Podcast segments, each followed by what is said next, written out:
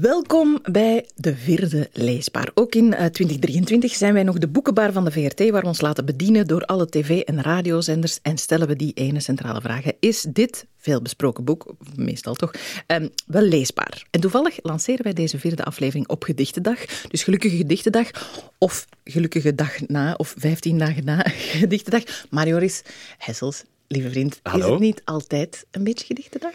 Uh, goh, daar kan ik genuanceerd op antwoorden, maar laat ons ervan uitgaan dat, uh, dat het dat elke dag wel een, een gedicht verdient. Oké. Okay. Voilà. En dus ook vandaag, uh, vandaag, de dag dat deze podcast gelanceerd wordt, is het gedichtendag, maar bedoel, elke dag kan er wel aan poëzie gedaan worden. En ik heb ook middels eigenlijk mijn beste wensen naar u toe en ook naar de Dank. luisteraar toe, um, een gedichtje.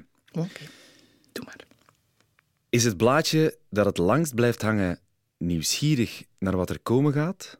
Of durft het niet te vallen, bang dat het iets achterlaat? Denk daar maar eens over na. Ik ga dat doen de rest van de podcast. Want er is een rest van de podcast natuurlijk. We hebben een hele uh, mooie menu vandaag. Echt mooi, hè? Ja, meer poëzie waar je al iets hebt uit voorgelezen. Heel de wereld wordt wakker. Uh, een bundel samengesteld door Jaap Robbe. En we hebben een, uh, een dik boek gelezen. Ja. het lied van Ooievaar en Dromedaris van Anjet Daanje. We gaan nog niet zeggen wat we daarvan vonden. Nee. En een muziekboek. dat werd een keer tijd. En daarvoor hebben wij Stijn van de Voorde uitgenodigd. Ja, klopt. Heb je er zin in? wel, ik, ik, kan zeggen dat ik um, van alle podcasts die we tot hiertoe gedaan hebben, het meest zin heb in deze.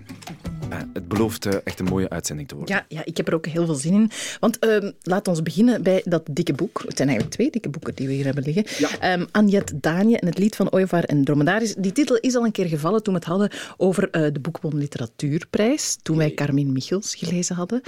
Vaders die rouwen. Zij was toen genomineerd, zij won niet. Dit boek heeft toen wel gewonnen. En toen dachten wij... Hmm, maar ik ben wel eens nieuwsgierig naar van of dat, dat boek dat dan die boekenbon wint, of dat dat leesbaar is. En beter leesbaar uh, dan, dan het boek dat niet gewonnen heeft. Klopt, klopt. dat we dan ook al besproken hebben. Ja, ja, ja zeker. Um, dit is niet een boek dat ik zou oppakken in de boekhandel. Nee, maar de titel... Mm -hmm. Uh, ja, dat, dat, dat, dat deed wel iets met mij. Dat deed wel... Dat, dat, dat maakte mij wel nieuwsgierig naar... Oh my, wat, wat zou dat kunnen zijn? Uh, dus ik ben... Um, ja, we hadden het wel, wel gekozen om, om dit boek, dus we hebben het niet uit de rek gepakt. Het is ons aangeboden ge geworden geweest, gehad.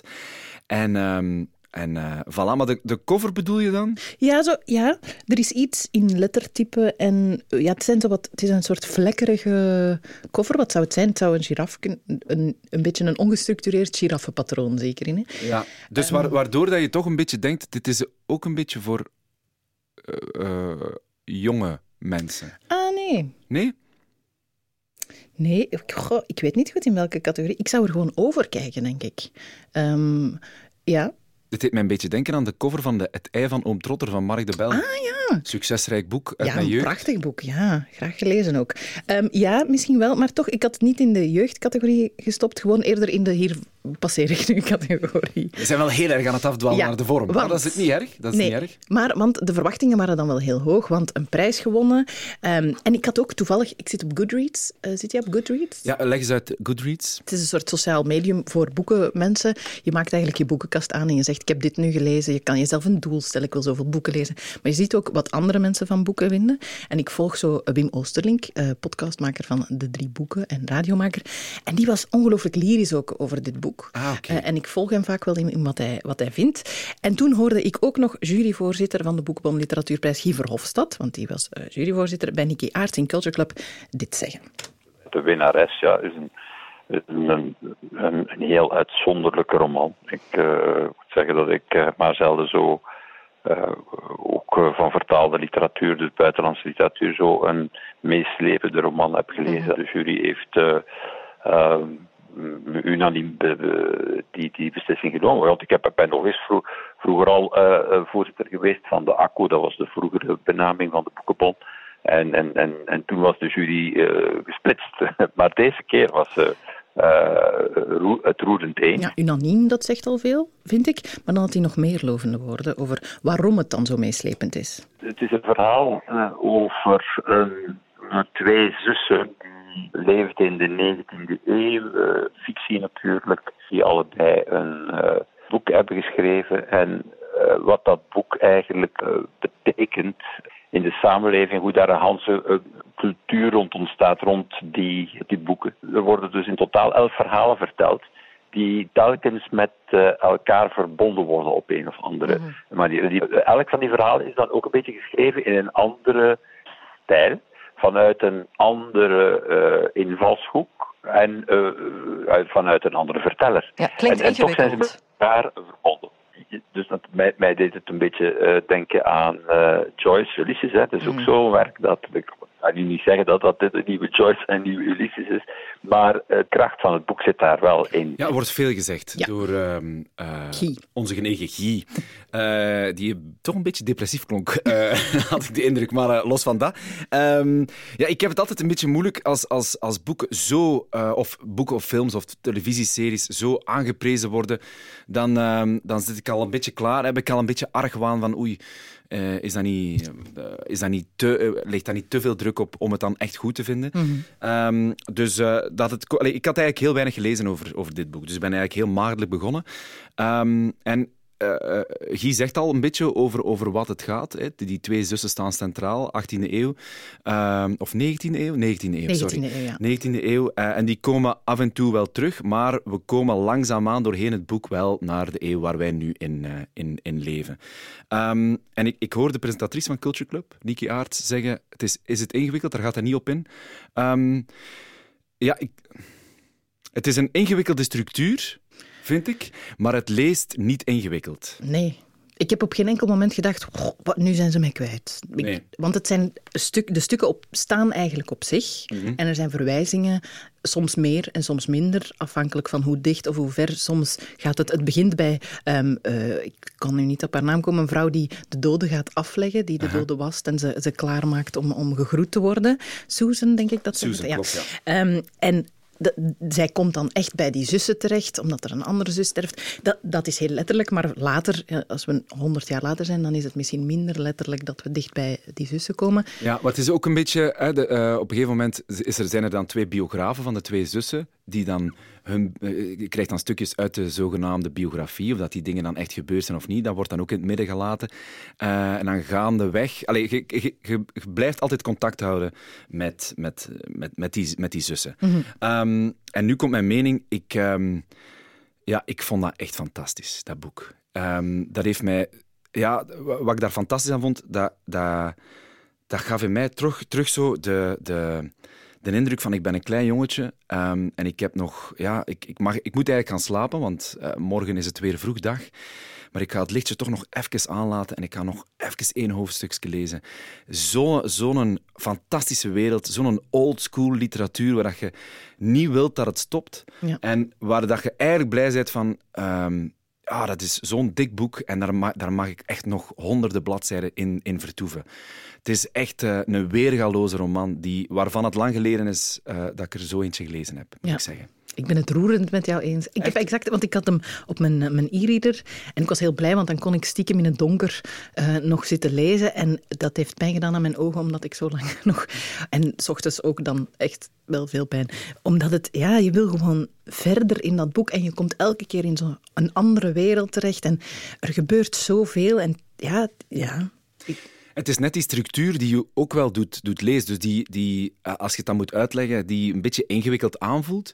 Maar als je erin zit, is het eigenlijk niet ingewikkeld. Je krijgt, je krijgt flarden van, van levens, flarden die, die ja, wel of niet gebeurd zijn, uh, die wel of niet gebaseerd zijn op de echte bestaande zusters. Uh, Bronte. Bronte, ja. van, uh, van, van Wuthering Heights onder andere. Ja, dus ze is gefascineerd door Emily Bronte vooral. En er zijn ook veel gedichten van haar die ze vertaald heeft. Er is ook een, een uitgave van het boek of een extra uh, bundel van vertaalde gedichten. Ook, dat waren ook zussen. Dus het is wel geïnspireerd door dat leven van, van uh, Emily Bronte vooral en de zussen. Ja.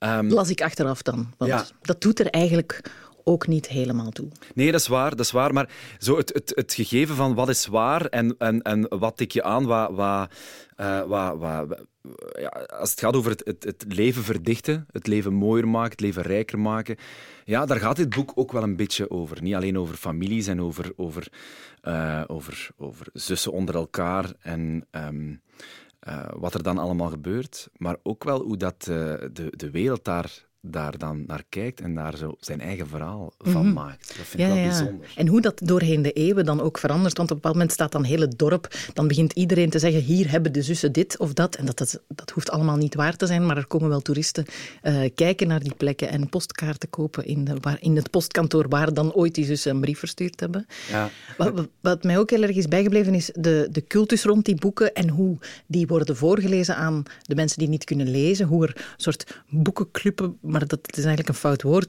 Het zijn gewoon mensen die samenkomen, voor, ze doen alsof het voor iets anders is, maar gewoon om dat boek voorgelezen uh, te krijgen. Uh, dat soort dingen vind ik wel fantastisch om te lezen. Ja, het is ook wel iets dat, dat uh, beantwoordt aan een vraag dat ik altijd heb bij, bij biografieën of biopics dan. Um, van hoe, hoe, die mensen waren daar niet bij, hè. die biografen zijn daar meestal niet bij. Uh, dus ja, die nemen dan ook wel echt een beetje een, een, een loopje met, met, uh, met iemand zijn leven, om het dan toch aantrekkelijker te maken, waardoor dat mensen toch meer geneigd zijn van, my, wat een leven uh, had die man of had die vrouw. Um, ja, ik vind het een heel eigenaardige... Uh, ja, uh, mechanismen of zo. En mm -hmm. dat, dat zit hier ook wel heel erg in. Um, nu, nu wordt het heel erg technisch als ik het zo vertel, maar het is echt een sprankelende roman. Die, die gaat over een, een, een een, een, een ander tijdsgevricht, zal ik maar zeggen, maar die super eigen tijds aanvoelt op een of andere manier. Tijdloos eigenlijk. Ja, ja, ja, en die ook je wel ziet. Ik, ik, heb heel vaak gedacht, het gaat heel veel over mensen die ziek worden, ook zeker in de 19e eeuw, dat mensen die super bang werden wanneer ze een verkoudheid kregen, omdat de kans gewoon bestond dat ze het niet zouden overleven. Je beseft ook maar op 150 jaar of 170 jaar hoeveel er veranderd is en hoeveel, zonder dat dat dan het onderwerp is. Maar ik vond het wel een fijne wereld ook om in te vertoeven daarom. Ja. Uh, omdat je wel, ja... Is, ik heb ook wel gegoogeld of ze echt bestond eerst. Ik wist niet dat het over Emily Bronte ging. En dan heb ik gewoon Elise May Drayden uh, gegoogeld. Omdat ik dacht, misschien, misschien is dat gewoon iemand die ik nog niet ken. Ja, wel, maar dat, dat is wat het boek ook doet. Uh, ik bedoel, je verdwijnt erin en je, je, neemt het ook echt allemaal voor waar aan. Mm -hmm. en dat, dat, is wel, dat is wel bijzonder. Dat had ik niet verwacht. Mm -hmm. uh, want het begon en ik denk, oh, 18e eeuw, ik weet het niet. Ik ben niet zo'n fan van geschiedenis, maar dat is heel erg persoonlijk. Um, maar ja, ik, ik, ik, ik, ik heb wel geteld één bladzijde nodig gehad en ik was helemaal verslingerd. Ja. Dus uh, dit is een boodschap aan al mijn vrienden of de mensen voor wie ik dan iets ga kopen. Um, dit jaar, dat zal waarschijnlijk dit boek worden. Ah ja, nu... Oh. Ja, ja, het is vroeg, hè? Ja, het is vroeg om zo'n uitspraken te doen. Maar ik snap het heel goed, ja. Er werd verwezen naar, uh, naar James Joyce, naar Ulysses. Heb jij dat gelezen? Uh, wat denk je zelf? ik hoopte in een of andere opleiding die je gedaan hebt. Zo. Nee, ja. Ik heb wel goed ik heb gedaan alsof ik het gelezen heb, denk ik, ooit wel eens. maar ik heb het niet gelezen. Is, bestaat dat nog eigenlijk? Nu klink ik misschien 80 jaar oud. Maar... Ik heb het niet gelezen. Nee. nee ja, Jij wel? Niet. Nee, nee, anders zou ik er naar. Want dat zijn wel... Ik vind dat een enge vergelijking, omdat als ik dat zou horen van een boek, dan zou ik het niet meer lezen. Omdat ik, dan zou ik denken, ah, dat is dan te moeilijk. En te, um, maar dat is het niet. Nee. leesbaar. Voilà, heel erg leesbaar. Met stip genoteerd als um, ja, voor mij uh, het beste boek van 2022 dat ik in 2023 gelezen heb. Oké. Okay. Voilà. Waarvan akte. Waarvan akte. Het is genoteerd op je lijstje. Uh, Dank je wel daarvoor. Jij bedankt. Goed, oké. Okay. Annelies, mm -hmm. um, ik had vorige keer beloofd van ik ga nog een beetje verder vertellen over de biografie van George Michael. En dan had ik uh, tijdens de podcast was ik tot de constatatie gekomen van ah nee, ik ga het gewoon overlaten um, aan iemand die er misschien meer van kent dan ik. Want ik, ik ben, een, mee, ik ben een muziekliefhebber, maar geen professioneel muziekkenner. Snap je? Er is mm -hmm. nog een verschil. Uh, en dan dacht ik van ja, wie kan dat doen? En er is eigenlijk maar één naam die dan oppopt in mijn, in mijn hoofd, omdat er ja, één legende rondloopt in, uh, op de VRT of in de gangen van de VRT, die echt over elke muziek iets kan vertellen. Die vooral geïnteresseerd is Um, in, in de verhalen achter de muziek. En dan heb ik hem gewoon gebeld en gevraagd: wil je naar Leesbaar komen, naar de podcast? En uh, wil je ook, als je zo vriendelijk bent, ook een boek meenemen waar je dan heel uh, er liederlijk over kan vertellen. En hij is hier, Stijn van de Voorde. Joris, ik wil eerst en vooral zeggen dat het echt een plezier is om zoiets te horen uit de, de mond van een van de warmste persoonlijkheden die ik, uh, die ik zelf ken. Uh, en dat gaat Annelies ook natuurlijk. Ja, dank u. Dank um, u. Altijd um, fijn om jou te zien, Stijn. Ja, ik heb, ja goed, zeer goed. Ik uh, ben blij dat er nog eens over boeken gepraat wordt. En dat jullie dat doen, mm -hmm. vind ik heel tof. ik moet wel zeggen, als het gaat over boeken lezen, ik heb zelf een heel specifieke voorkeur van boeken die ik zelf leuk en interessant vind. En waar ik het heel moeilijk mee heb, en dat zijn vaak de boeken die, die het bij heel veel mensen het supergoed doen, zijn boeken waarbij het echt gaat over wat mensen voelen en die dat heel lang uitschrijven. Of bijvoorbeeld lange beschrijvingen of zo, die literair zeer verantwoord zijn en waarbij ik kan zeggen, wow, zo'n zin zou ik zelf nooit kunnen verzinnen. Um, dus ik snap wat, wat daar de absolute kunst van is, maar ik kan me daar niet op focussen. Ik heb het er moeilijk mee. Ik heb het eerder effectief. Voor de feiten? Ja, voor de biografieën. Mm. En ik kan zelfs een boek waarbij sommige mensen zeggen, ja, maar literair is het niet echt 100% supergoed geschreven. Ik kan dat perfect door de vingers zien als het verhaal goed is en als ik de persoon die het, die het echt geschreven heeft ook geloof. Ja. Uh, daar ben ik een grote fan van. En dan kan ik soms dingen, die, of kan ik soms dingen lezen die over mensen gaan die men niet noodzakelijk uh, bijvoorbeeld muzikaal interesseren. Of uh, mensen die uh, niet de scherpste pen hebben, maar die toch iets vertellen op hun manier, kan ik dat toch prachtig vinden. Hm, dan is het voor jou een leesbaar boek. Leesbaar en kan ik daar ook van genieten. Ik heb ook een e-reader gekocht. En dat is de vijand van alle mensen die van boeken houden. Ik weet dat ook. Maar ik koop ook nog steeds boeken. Ik heb er ook een voorbeeld van meegenomen. Mm -hmm. Maar ik moet toegeven dat sinds ik een jaar of 42, 43 uh, ben geworden, mijn ogen niet zo goed zijn. En ik lees heel graag voordat ik ga slapen. Dat is eigenlijk de, de, de moment om, om te lezen. Op reis lukt, lukt het vaak gewoon niet. En dan, um, dan is die e-reader ideaal. Dan doe je, steek je die aan en alles kan donker zijn. Ik kan die ook wat groter zetten, die lettertjes, want die dansen soms voor mijn ogen. Ik zei exact dat daarnet over ons vorige boek. Ah, echt waar? Ja, ja. Ah, oké. Okay. Sorry, ik was even, aan, nee, nee, uh, okay. uh, even iets gaan halen om te eten. en eh, ik heb toen eh, die e-reader gekocht en dat is een bevrijding, want ik kon daardoor ook boeken, eh, veel Engelstalige boeken en zo, kon ik binnentrekken van biografie die nooit vertaald zijn en waar je moeilijk aan kan geraken bij ons. En zo heb ik echt al heel toffe en interessante dingen ontdekt.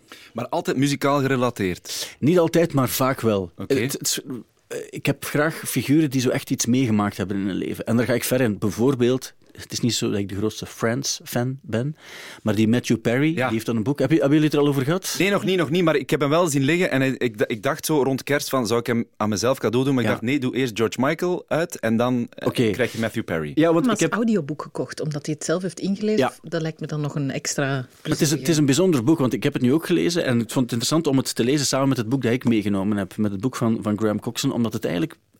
Ergens heeft het niets met elkaar te maken en ergens ook weer wel. Uh, wat ik bijvoorbeeld een beetje lastiger vind aan het boek van Matthew Perry, is dat het uh, heel vaak gaat over hij die vertelt van ik zat in de grootste sitcom ter wereld mm. en de belangrijkste reeks die er gemaakt werd.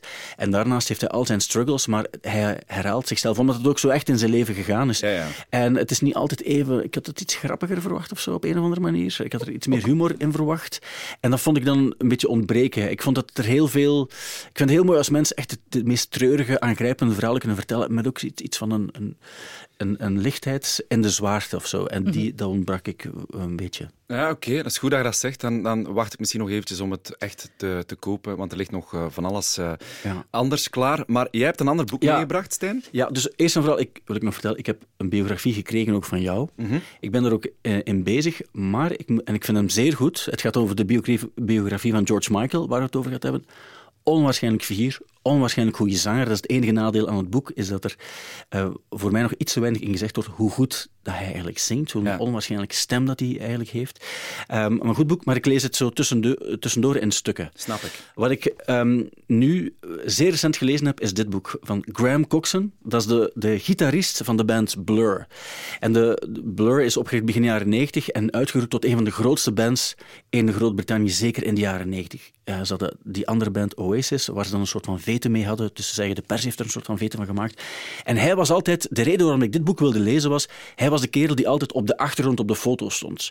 Maar superbelangrijk was, want er was maar één gitarist, je had een bassist ook, en dat was dan degene waar, waar alle meisjes of jongens, uh, die, die zagen hem zitten, want hij was de coole gast. Um, en, uh, en dan had hij ook die gitarist.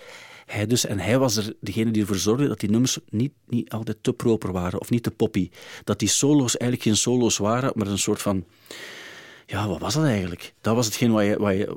Maar het klonk goed en het had iets op een of andere manier. En die Alex James, als de bassist van Blur, die heeft al twee boeken geschreven. Eén boek over zijn cocaïneverslaving. Uh, Bit of a Blur heet hij. En daarna heeft hij een ander boek geschreven, wat het vervolg is. Maar toen ging het niet over cocaïne, maar over het feit dat hij zijn leven over een totaal ander boek heeft gegooid. En nu, is hij, uh, nu maakt hij kaas op een boerderij ergens ver buiten Londen. Uh, het cheese zit in de titel, maar kom even niet op de, op de naam. Al sinds je kan die kaas ook kopen online en zo, doet er niet toe. Die Graham Coxon is een heel ander verhaal. De titel van het boek is Verse Chorus Monster. Uh, het is wel echt een, een interessant boek, omdat het gaat over hem als muzikant, Verse Chorus. En dan de monster is hij is opgegroeid als een, als een jongetje dat graag tekende en graag naar de muziek van de Beatles luistert bij hem thuis. Um, opgegroeid in Duitsland in van die verschillende legerbasissen waar zijn, zijn vader werkte. En als tekenaar en als muzikant is hij opgegroeid en dan ontdekte hij dat die monsters niet zomaar getekend werden, dat die ergens vandaan kwamen. Hij, hij zat met heel veel struggles en issues, daar gaat het boek ook, ook over. hij had het mentaal moeilijk. Uh, hij was heel timide ook, altijd op, daarom ook altijd op de achtergrond. Behalve als hij dronk, dan stond hij zonder problemen op de voorgrond en dan speelde hij zoals hij speelde. En dat was meteen ook het probleem, uiteraard. Er is een uh, alcoholverslaving uitgekomen. Dat was zo in, bij de hele band. Er werd niet over gesproken, want er waren echt zo de Britse lads die niet uh, praten over hun problemen. En hij is dan ook de, de kerel geweest die, uh, ja, die de rehabs is doorlopen. En zoals iedereen het gedaan heeft. Alleen bij hem was het met alcohol, net zoals bij de drummer.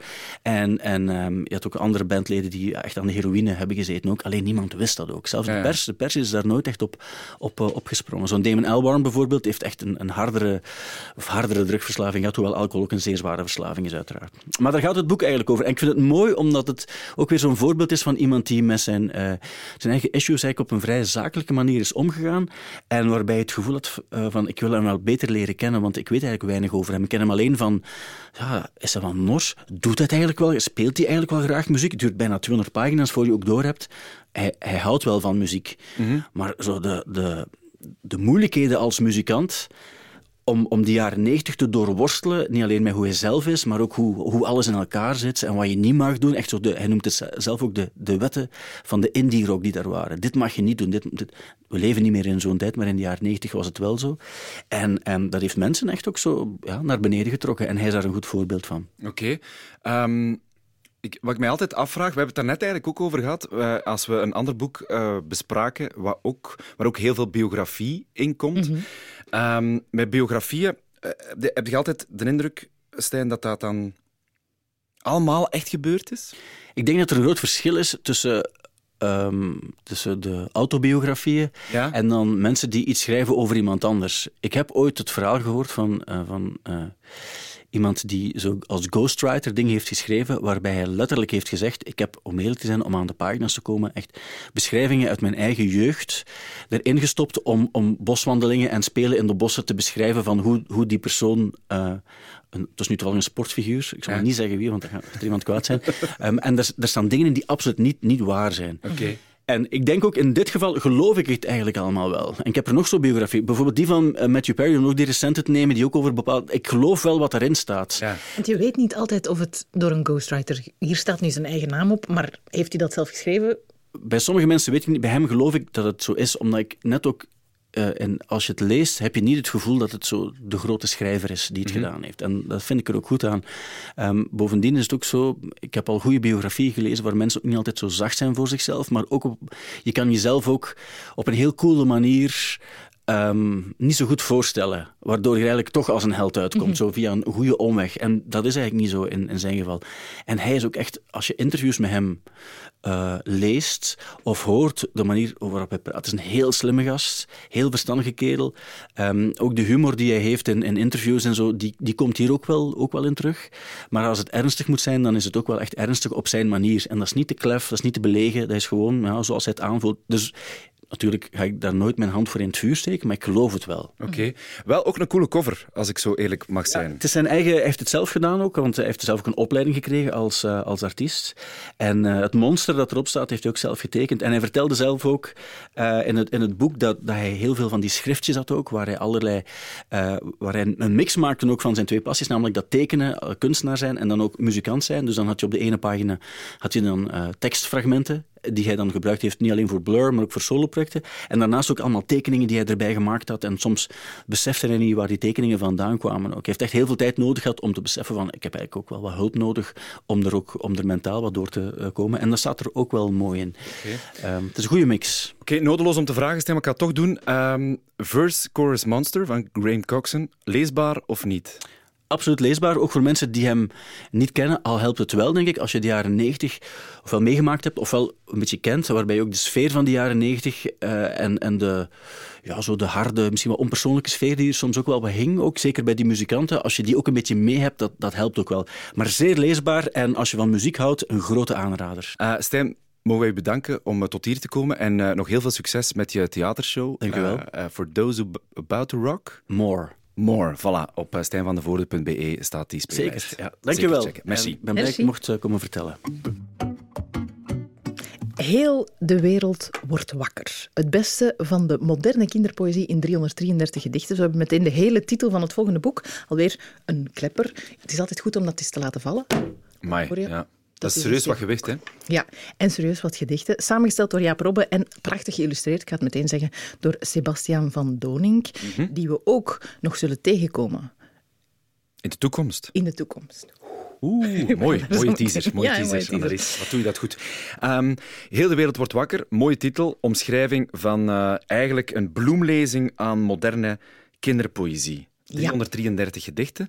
Um, dus het, het goede aan dit boek is dat je het, dat je het kan inbladeren. Je kan één gedicht lezen, het wegleggen. Het is echt wel een, um, een boek om, uh, om ergens te leggen. Um, in huis, waar je het snel kunt pakken, maar waar ook, ik bedoel, je, je, je, je kunt het ook ergens leggen, omdat het een mooi boek is. Ja, bij mij ligt het nu op de ontbijttafel. Uh, ik heb geen aparte ontbijttafel. Het is niet dat wij per maaltijd een aparte tafel hebben, maar hm. elke ochtend leg ik het wel open, gewoon ergens, at random, en dan uh, kom je op mooie plekken terecht. En dat is, het is ook, omdat het gedichten zijn, kan je dan, dat, je bent er geen uur mee bezig met één stukje natuurlijk.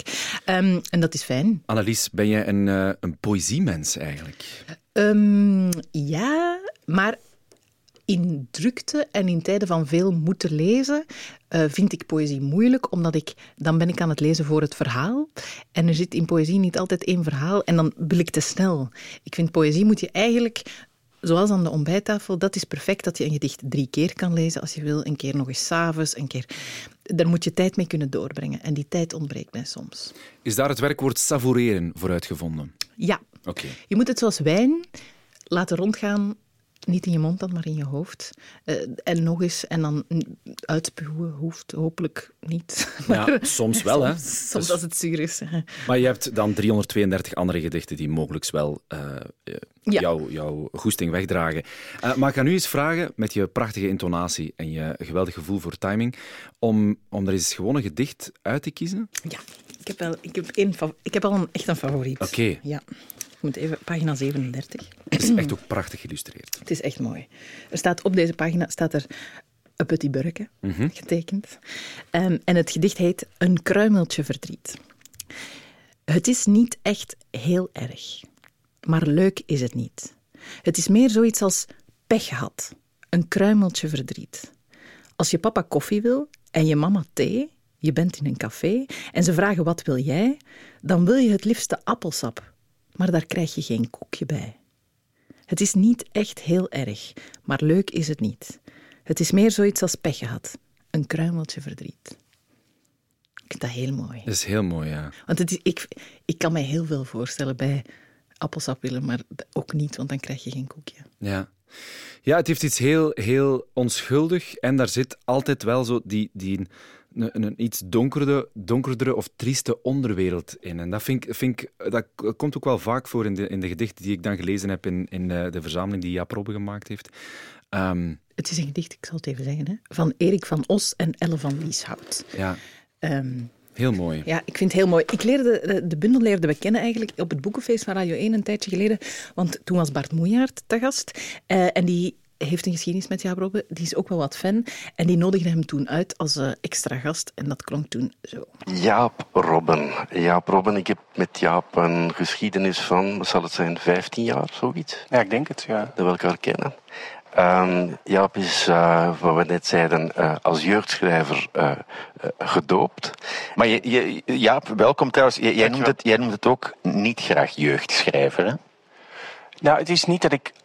Ik denk tijdens het schrijven niet, wordt dit voor jeugd of wordt dit voor volwassenen? Ik, ik ben aan het schrijven, eigenlijk. Dus ik schrijf voor, voor mensen. Zo voelt het altijd meer. Dus, en, maar ik schrijf ook poëzie en die lees ik ook vaak voor op, aan volwassenen of aan... En dat, ze zullen nooit zeggen, oh, dit, dit snap ik. Ja. Dat ze daarom niet willen horen. Twee schrijvers van mensenboeken aan tafel. Ja, klopt. Ja, de, de, de, de verbaast me niks dat die twee een connectie hebben, omdat zowel Bart als uh, in dit geval Jaap Robbe, waar ik al een paar romans van gelezen heb, die zogezegd dan, of zogenaamd voor volwassenen zijn, uh, ja, die hebben iets heel hybride. Die schrijven eigenlijk een, ja, voor, voor, iedereen. Ja, en dat, dat is ik vind dat mooi en ook nog eens goed om dat te accentueren eigenlijk. Mm Jazeker. Hij, hij, heeft ook zijn eigen, van zijn eigen gedichten in, um, in de bundel. Daar heb ik eentje tegen. Mag ik nog eentje voor voorlezen? Tuurlijk. Nee, nee, nee, doe maar, doe maar. Vier vingers en een duim heet het gedicht van Jaap Robbe. Mijn duim kijkt mijn vingers niet aan, omdat ze met zijn vieren op een muurtje staan en hij mag er niet tussen. Kleine dikke broer en zijn vier pianozussen. Ze lijken wel een voetbalteam en hij staat kleumend langs de kant. Zij zijn de giraffen en hij is altijd olifant. Maar het eenzaamste zijn de winters. Alle dagen is een eentje in een wand. Maar fantastisch. Mooi, ik ben een beetje aan het wenen. Ja, dat snap ik, dat snap ik. Maar ook, ook, een beetje, ook een beetje aan het lachen, want het is ook... Ja, wel bijzonder. Dat hebben wij ja. graag, een lach en een traan. Ja, dat klopt. Ik ga er nog eentje aan toevoegen, ja, als dat mag. Oh, we zouden dit nog wel echt een paar uur kunnen doen. Um, Leendert Witvliet heeft hm. dit uh, gedicht geschreven. Het heet Stil. Vier regels. Let op. Er is geen ontkomen aan verdriet. Tegen regen kun je schuilen, maar de bakkersauto en mijn hondje, meer zeg ik niet.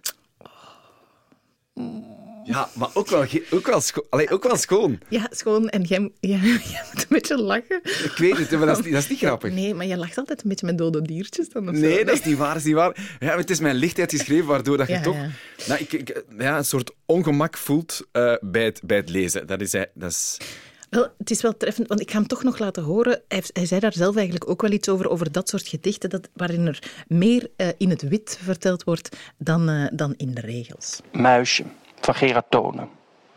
Och kijk, wat lief, een muisje in een heel klein versje. dat is het. Ja. Goed hè? Nou, wat ik er zo mooi aan vind, het, het lijken maar uh, twaalf, uh, nee tien woorden zelfs. Uh, maar je ziet een muis. Ja. Je ziet een muis zitten in een heel klein gedichtje en je hebt er ook nog een gevoel bij. of er zit nog een soort emotie in die muis. En dat vind ik echt ontzettend ja. knap gedaan. Er staat zoveel meer in het wit dan dat er in de woorden staat. En dat vind ik een heel. Lydia Davis voor kinderen. Ja. Lydia Davis heeft heel korte, korte, korte verhalen geschreven. En eentje, ik had het nu niet kunnen herinneren, maar is iets van uh, babysokjes ongedragen. Oh ja, ja.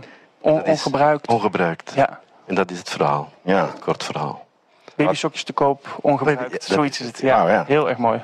Ja, Robbe, ja, heeft dat wel echt fantastisch gedaan. En het is wel een boek dat ik ga koesteren. En uh, af en toe ga, ga inbladeren en af en toe met, met, een, met een glimlach de dag uh, ga, mm. ga, starten. Ja, ik ook. Het is eentje dat ik niet um, zo op de, hoe moet ik dat zeggen, op de dwarse manier in mijn boekenkast ga zetten, maar zo met de, de front naar voren, zodat ik er genoeg aan denk om het nog eens uit te halen ja. en even um, in te lezen. Dus niet alleen leesbaar, ook savoureerbaar en ook uh, voor de ogen een waar, waar feest. Plezier al. Hè. Het is tijd uh, voor mijn favoriete ding, denk ik toch wel. Van okay. de, ja, voor de dessert. Zitten we daar al? Afwisselend uh, brengen wij voor elkaar een dessertje mee. Iets plezierig om te lezen of iets, ja, gewoon iets dat we elkaar willen aanraden en alle andere mensen ook. Ik, je zal zien op mijn stapel van vandaag, er ligt hier geen boek. Nee. Dat is omdat het om een audioboek gaat. Okay. Maar een boek dat ik wel... Ik heb het al in het Nederlands gelezen. Ik heb het al in het Engels gelezen. Ik heb het denk ik in uh, drie talen... Ik heb het ook nog in Frans in huis, omdat mijn man het in Frans leest. En nu in audioboek, en dat is nog een nieuwe ervaring. Ik ga het gewoon opzetten, een stukje. The Boy Who Lived. Weet je dan al waar het over gaat? The Boy Who Lived.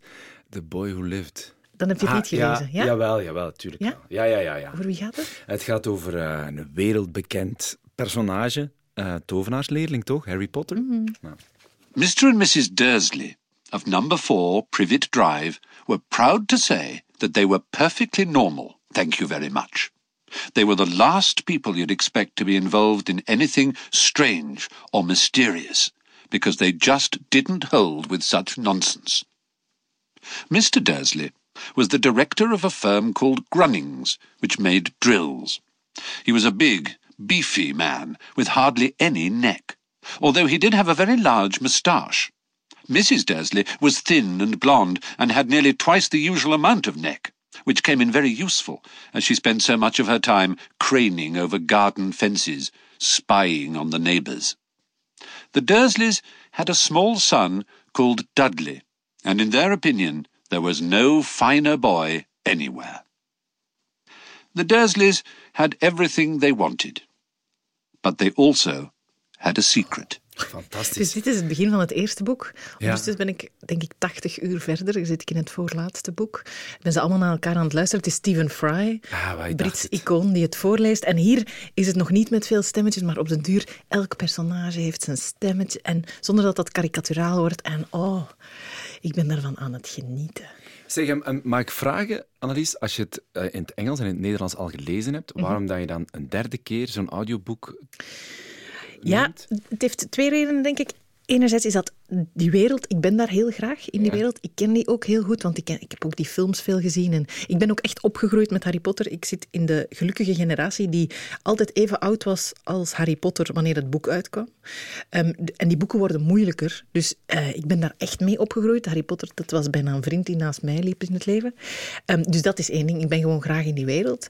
Maar ook... ehm, wat ik dan een beetje jammerlijk vind, is dat die films vooral bijblijven. Eh, omdat dat beeld is, denk ik, ehm, waardoor... En die zijn heel anders dan de boeken. Daar zijn stukken uit weg, er zijn personages uit weg. En je vergeet dan toch weer wat er eigenlijk gebeurd was. Dus als ik dan... Ik denk dat ik ze nu twee jaar, misschien drie jaar geleden voor het laatst gelezen heb.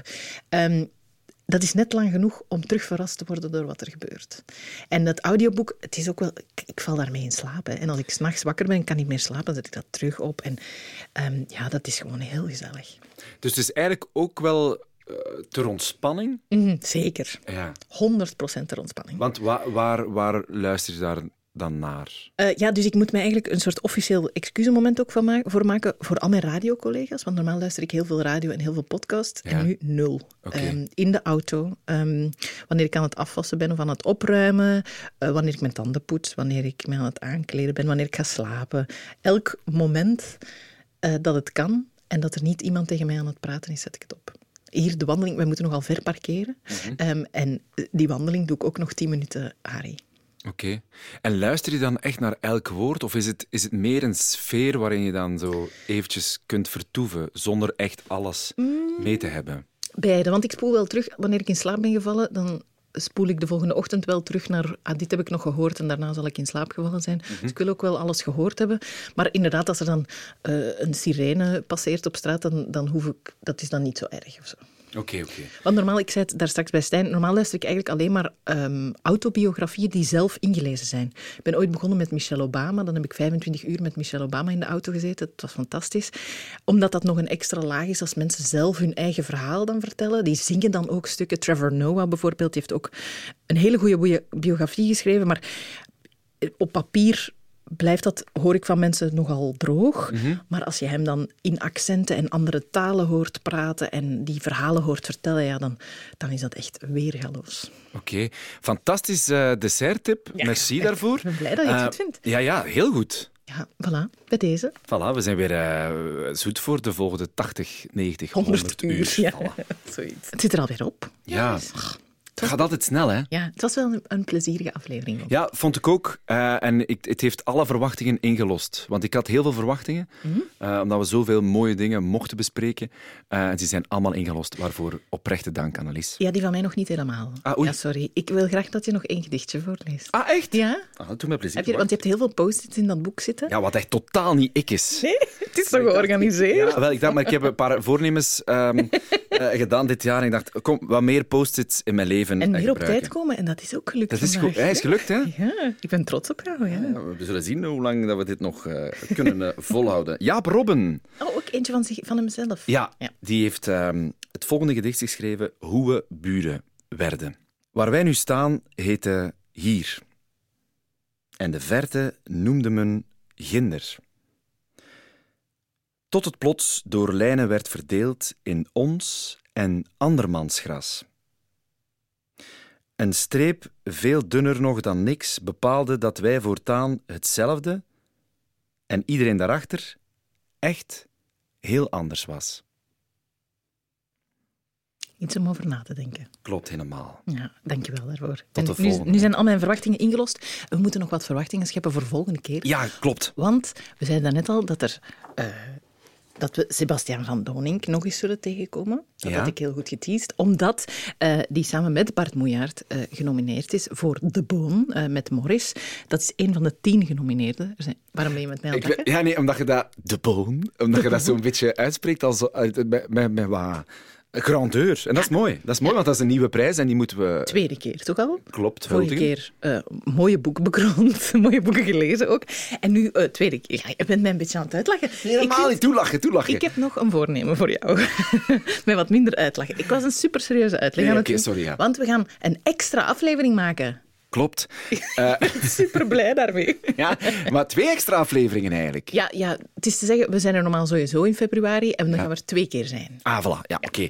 Dus we gaan al de boeken die genomineerd zijn voor de Boon Literatuurprijs, die gaan we, ehm, die gaan we bespreken. Die Ja. gaan we lezen en bespreken. Dat zijn er wel veel, hè? En beoordelen of ze leesbaar zijn vooral ook. Het zijn er veel, ja, tien. Ja, van eh, variabele dikte. Ja. Dus, en wat ook leuk is, het zijn er ook eh, voor, eh, voor, voor kinderen en jongvolwassenen en ook voor volwassenen non-fictie en fictie. Ja, we Voor elk wat wils. plezier gaan we hebben. En we gaan ook andere mensen hun mening vragen, zodat je eh, zeker weet of het ook voor jou een leesbaar boek is of niet. En dan is nu alles gezegd. Wil je nog een keer zo de boom zeggen? De Boon Ja, Literatuurprijs. Echt iets om naar uit te kijken. Ja, alweer. Ah, Dag. merci. Hè. Tot de volgende.